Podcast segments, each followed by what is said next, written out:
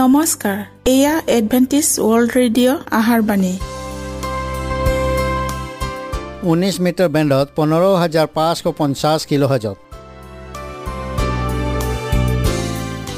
Adventist World radio যোগে অসমীয়া ভাষাত প্ৰচাৰিত আহাৰবাণী প্ৰত্যেক বুধবাৰ আৰু দেওবাৰ সন্ধিয়া সাত বজাত আহাৰবাণী শুনাৰ পিছত আপোনালোকৰ কিবা মন্তব্য আৰু প্ৰশ্ন থাকিলে আমালৈ এই ঠিকনাত লিখক। আমাৰ ঠিকনাটি হৈছে Adventist World Radio' Seventh Day Adventist মণ্ডলী অসম শাখা লতাকাটা বশিষ্ট গুৱাহাটী সাত আঠ এক শূন্য দুই ন।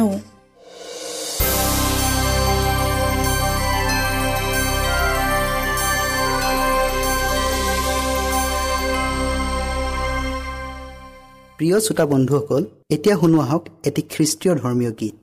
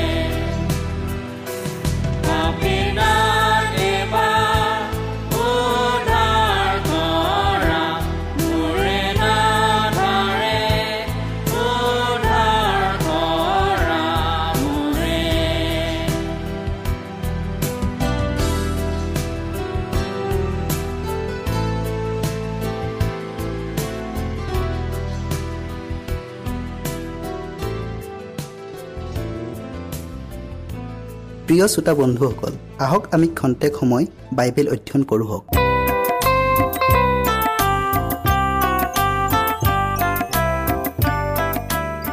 প্ৰিয় শ্ৰোতাসকল নমস্কাৰ। আজি আমি যোৱা অনুষ্ঠানৰ ৰাজবাট আৰু পথাৰৰ আলিলৈ ওলাই যোৱা ইয়াৰ বাকী অংশটো আকৌ অধ্যয়ন কৰোঁ হওক। শাস্ত্ৰ পদ হৈছে লোক চৈধ্য অধ্যায়ৰ বাৰৰ পৰা চৌবিছ পদলৈকে।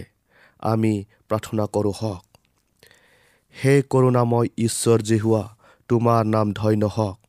প্ৰভু এতিয়া আমি বিশেষ বিষয় ৰাজবাট আৰু পথাৰৰ আলিলৈ ওলাই যোৱা এই বিষয়টোলৈ অধ্যয়ন কৰিবলৈ আগবঢ়াইছোঁ। সেই নিমিত্তে প্ৰভু তুমি আমাৰ লগত থাকা আৰু শেষলৈকে চলাই নিয়া। যীশুৰ নামত খুজিলোঁ আমেন। কোনো এজন পদভ্ৰষ্ট লোক আমাক লগ পাবলৈ আহিব এই ভাৱ লৈ বাট চাই থাকিব নালাগে। বৰং আমিহে তেনেকুৱা লোকবিলাকক ক'ত আছে বিচাৰি যাব লাগে। অনেক সময়ত আমি নামঘৰৰ বেদীত থিয় হৈ ঘোষণা কৰি কওঁ প্ৰভুৰ কাম দ্ৰুত গতিৰে আগবাঢ়িছে। সেয়া সঁচানে বুলি প্ৰশ্ন হয়? দৰাচলতে আজি অগণন লোকে অনন্ত জীৱনৰ বাণী শুনিবলৈ নাপাব বা শুনাৰ পৰা বঞ্চিত হ'ব যদিহে আমি তেওঁলোকৰ ওচৰলৈ গৈ ঈশ্বৰৰ বাক্য নুশুনাওঁ। এই ভোজলৈ নিমন্ত্ৰণ প্ৰথমে যিহুদী লোকলৈ দিয়া হৈছিল। যি লোকবিলাক স্বজাতীয় লোকৰ শিক্ষক আৰু ধৰ্মীয় গুৰুৰ দায়িত্ব বহন কৰিছিল। খ্ৰীষ্টৰ আগমনৰ ভাৱবাণীৰ আৰু তেওঁৰ কৰ্মবোৰৰ প্ৰতি ৰূপত আগতীয়াকৈ কোৱা নুৰিওৱা পুথিবোৰ তেওঁলোকৰ হাতত সোধাই দিয়া হৈছিল। ধৰ্মগুৰু আৰু তেওঁলোকৰ স্বজাতীয় লোকবিলাকে সেই নিমন্ত্ৰণৰ প্ৰতি সঁহাৰি জনোৱা হ'লে খ্ৰীষ্টৰ বাৰ্তাবাসকবিলাকৰ সৈতে লগ লাগি জগতখনকে সুবাৰ্তা নিমন্ত্ৰণ জনালেহেঁতেন। যি ঐশ্বৰিক সত্য জগতবাসীক বিলাবলৈ দিয়া হৈছিল তাত তেওঁলোকে অকৃতকাৰ্য হ'ল। যেতিয়াই তেওঁলোকে তেওঁৰ নিমন্ত্ৰণ অগ্ৰাহ্য কৰিলে তেতিয়াই দুখীয়া দৰিদ্ৰবিলাকক বোবা অজলা লেঙেৰা অন্ধবিলাকক আনকি কৰ তোলা আৰু পাপীবিলাকেও সেই নিমন্ত্ৰণৰ ভাগী হ'ল। পৰ জাতি অৰ্থাৎ অজিহুদী জাতিৰ মাজতো ঈশ্বৰৰ কাৰ্য ক্ষিপ্ৰতাৰে আগবাঢ়ি গ'ল। কিন্তু কথা হ'ল এই বাৰ্তা প্ৰথমতে নগৰৰ ৰাজপথত অৰ্থাৎ ধৰ্মীয় গুৰু শিক্ষক আৰু দেহ নেতাবিলাকে পাব লাগে। প্ৰিয় শ্ৰোতাসকল প্ৰভুৰ বাৰ্তাবাসকবিলাকে মনত ৰখা উচিত। তেওঁলোকক ভেড়া জাকৰ ৰখীয়া হ'বলৈ ঐশ্বৰিকভাৱে অভিষেক কৰা হৈছে। যিবিলাক সমাজৰ উচ্চ শ্ৰেণীৰ লোক তেওঁলোকক ভাতৃসুলভ মনোভাৱেৰে আৰু প্ৰেমেৰে আমন্ত্ৰণ কৰক। সমাজৰ উচ্চ স্তৰৰ ব্যৱসায়ী অধ্যাপক বিজ্ঞানী প্ৰতিভাশালী লোক প্ৰকৃত সত্যক নজনা সুবাৰ্তা শিক্ষকসকলেও এই আসোৱান প্ৰথম সঁহাৰি জানক। তেওঁলোকেও এই আমন্ত্ৰণৰ পৰা বঞ্চিত নহয়। ধনবান লোকৰ কৰিবলগীয়া কৰ্তব্য এই যে তেওঁলোকৰ যি ধন সম্পত্তি আছে এয়া ঈশ্বৰৰ প্ৰদত্ত আৰু এইবোৰ উচিত ব্যৱহাৰৰ দায়িত্বৰ ভাৱে তেওঁলোকৰ ওপৰত অৰ্পণ কৰা হৈছে। এই বুলি তেওঁলোকক প্ৰত্যয় নিয়াব লাগিব। তেওঁলোকক এই বুলিও সোঁৱৰাই দিয়া উচিত হ'ব যে জীৱিত আৰু মৃত্যু উভয়ৰে বিচাৰকৰ্তা ঈশ্বৰৰ আগত তেওঁলোকে হিচাপ দিব লাগিব। এনে ধনবান লোকৰ প্ৰতি আপোনাৰ প্ৰেমৰ পৰিশ্ৰম আৰু ঈশ্বৰৰ প্ৰতি ভয় ৰখাৰ আৱশ্যক। কিন্তু চাব এনে ধনবান লোকে প্ৰায়ে নিজৰ ধন সম্পত্তিৰ ওপৰত ভৰসা কৰি নিজৰ বিপদ গম নাপায়। তেওঁৰ মনৰ দৃষ্টিস্থায়ী মূল্যৰ প্ৰতি আকৰ্ষিত হয় এই চেষ্টাৰ ক্ৰুটি কৰিব নালাগে। তেওঁ প্ৰকৃত সৎগুণৰ বশ্যতা মানি ল'বই লাগিব। কাৰণ কোৱা হৈছে সেই পৰিশ্ৰান্ত আৰু ভাৰাক্ৰান্ত লোকসকল মোৰ ওচৰলৈ আহা। মই তোমালোকক জিৰণি দিম। মই নম্ৰ আৰু কোমল চিত্ৰৰ লোক। তোমালোকৰ কাণ্ডত মোৰ জুৱলি লোৱা আৰু মোৰ পৰা শিক্ষা লোৱা। তাতে তোমালোকে নিজৰ নিজৰ অন্তৰত জিৰণি পাবা কাৰণ মোৰ জুৱলি সুসহ্য আৰু ভাৰো লঘু। মঠি এঘাৰ অধ্যায়ৰ আঠাইছ পদৰ পৰা ত্ৰিছ পদলৈকে। প্ৰিয় শ্ৰোতাসকল অনেকে জগতৰ মান প্ৰশংসা জ্ঞান বিদ্যা ধন সম্পত্তি ব্যৱসায় বাণিজ্যৰ শীৰ্ষ স্থান পোৱাৰ প্ৰতিযোগিতাত ব্যস্ত হৈ থাকোঁতে নিজৰ আত্মাৰ প্ৰতি চিন্তা কৰাৰ আহৰি নাপায়। এনে ক্ষেত্ৰত ঈশ্বৰৰ বহু কৰ্মীয়ে এই শ্ৰেণীৰ লোকৰ কাষ চাপিবলৈ কুণ্ঠাবোধ কৰে। কিন্তু এনে হ'ব নালাগে। আমাৰ চকুৰ আগতে পানীত ডুবি ধ্বংস হোৱাটো চাই থাকিব নোৱাৰোঁ।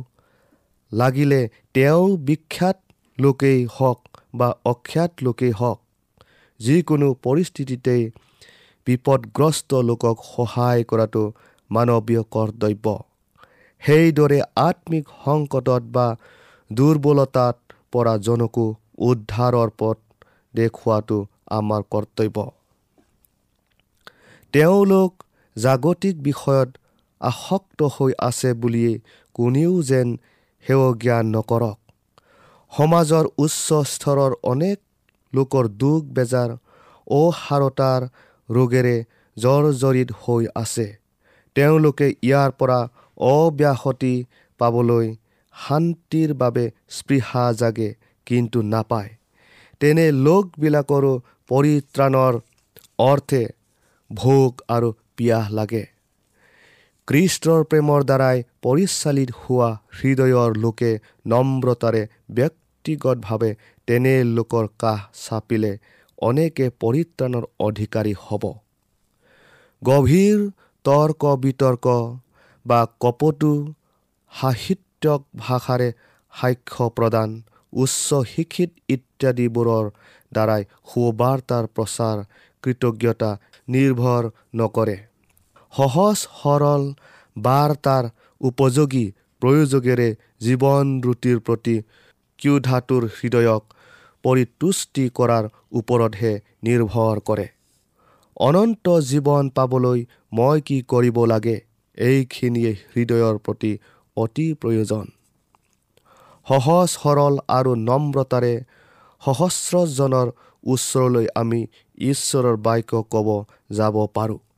যিসকল পুৰুষ আৰু তিৰোতাই নিজকে অতি গুণ বিশিষ্ট বুদ্ধিজীৱী বুলি ভাবে তেওঁলোকো সাধাৰণ কথা বতৰাৰ মাজেদি মুগ্ধ কৰি হৃদয়ত ঈশ্বৰৰ প্ৰতি গভীৰ সাজ বহুৱাব পাৰোঁ। অধ্যয়নৰ দ্বাৰাই সম্পূৰ্ণ প্ৰস্তুত হৈ প্ৰচাৰ কৰিলেও প্ৰায়ে ফলপ্ৰসূ নহয়। কিন্তু প্ৰকৃত সাধুতাৰে আৰু সৰলতাৰে ঈশ্বৰৰ প্ৰত্যেকজন পৌজীয়ে কোৱা কথাই কৃষ্ট আৰু তেওঁৰ প্ৰেমৰ বিপৰীতে ৰুদ্ধ হৈ থকা দুৱাৰ খোল খোৱাৰ শক্তি আছে। প্ৰিয় শ্ৰোতাসকল কৃষ্টৰ পৰিচৰ্যাকাৰীজনে মনত ৰখা উচিত যেন তেওঁ নিজ শক্তিৰে পৰিচৰ্যা কাৰ্য নকৰক উদ্ধাৰ বা পৰিত্ৰাণ কাৰ্য সিদ্ধ কৰিবলৈ বিশ্বাসেৰে ঈশ্বৰৰ শক্তিত ভৰসা কৰক। তেওঁৰ সকলো অভাৱ অভিযোগ ঈশ্বৰক প্ৰাৰ্থনা জনাওক আৰু তেহে ঈশ্বৰে দিয়া দক্ষতাৰে পৰিচৰ্যা কাৰ্যত আগবাঢ়ি যাওক। তেওঁৰ কাৰ্য দক্ষতাৰ বাবে পবিত্ৰ আত্মা দান কৰা হৈছে আৰু পৰিচৰ্যাকাৰী দূতবিলাকে তেওঁৰ হৈ মানৱ হৃদয়ৰ ঈশ্বৰৰ বাক্যৰ সাজ বহুৱাব। জেৰুজালেমৰ ধৰ্মগুৰুসকল আৰু শিক্ষকসকলে কৃষ্টই প্ৰৱৰ্তিত কৰা সত্য গ্ৰহণ কৰা হ'লে ই এখন শুভবাৰ্তা প্ৰচাৰৰ কেনে সুন্দৰ কেন্দ্ৰস্তৰ হ'লহেঁতেন। ধৰ্ম ত্যাগী ইজৰাইলৰ পৰিৱৰ্তন হোৱাৰ উপৰিও অনেক লোক প্ৰভুৰ কাষ চাপিলেহেঁতেন আৰু তেওঁলোকে কিমান দ্ৰুত গতিৰে জগতৰ চুকে কোণে সুবাৰ্তা সম্প্ৰসাৰিত কৰিলেহেঁতেন।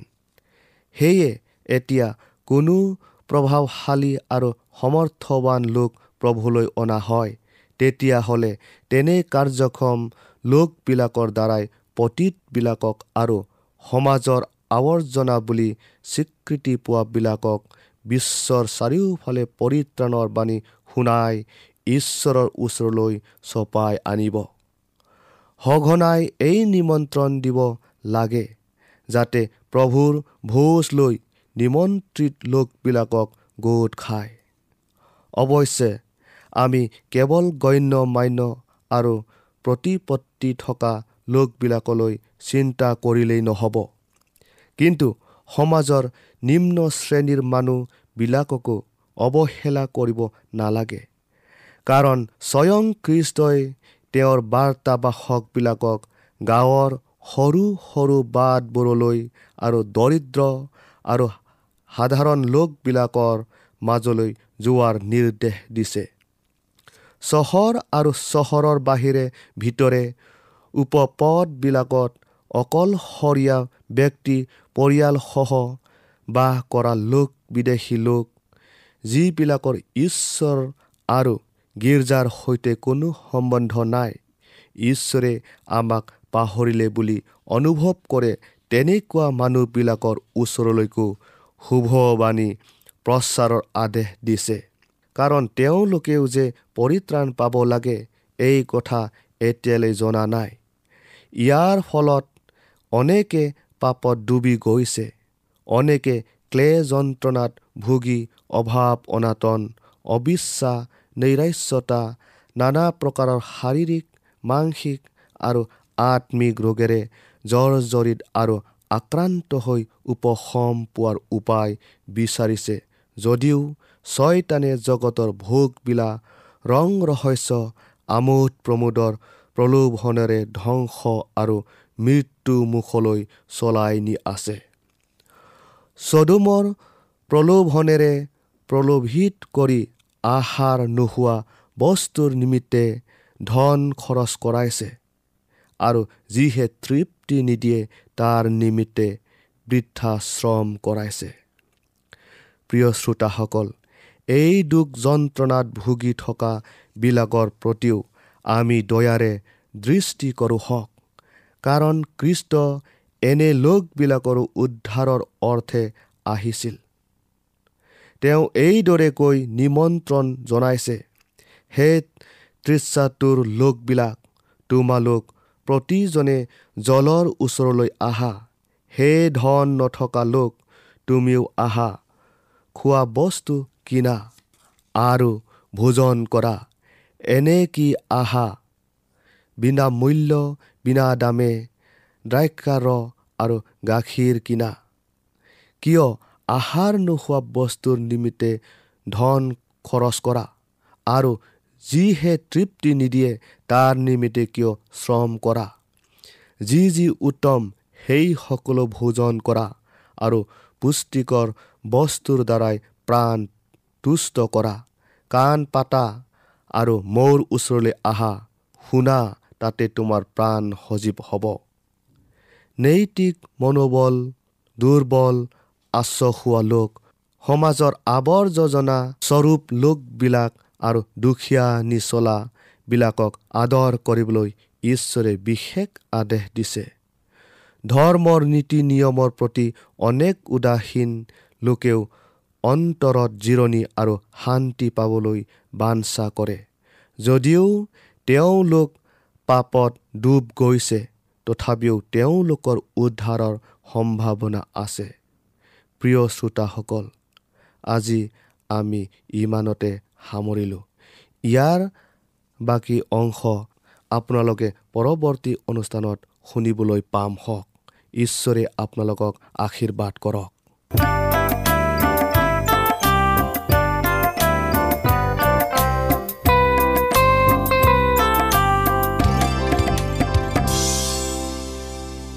ইমানপৰে আমি বাইবেল অধ্যয়ন কৰিলোঁ। এতিয়া আকৌ শুনো আহক এটি খ্ৰীষ্টীয় ধৰ্মীয় গীত।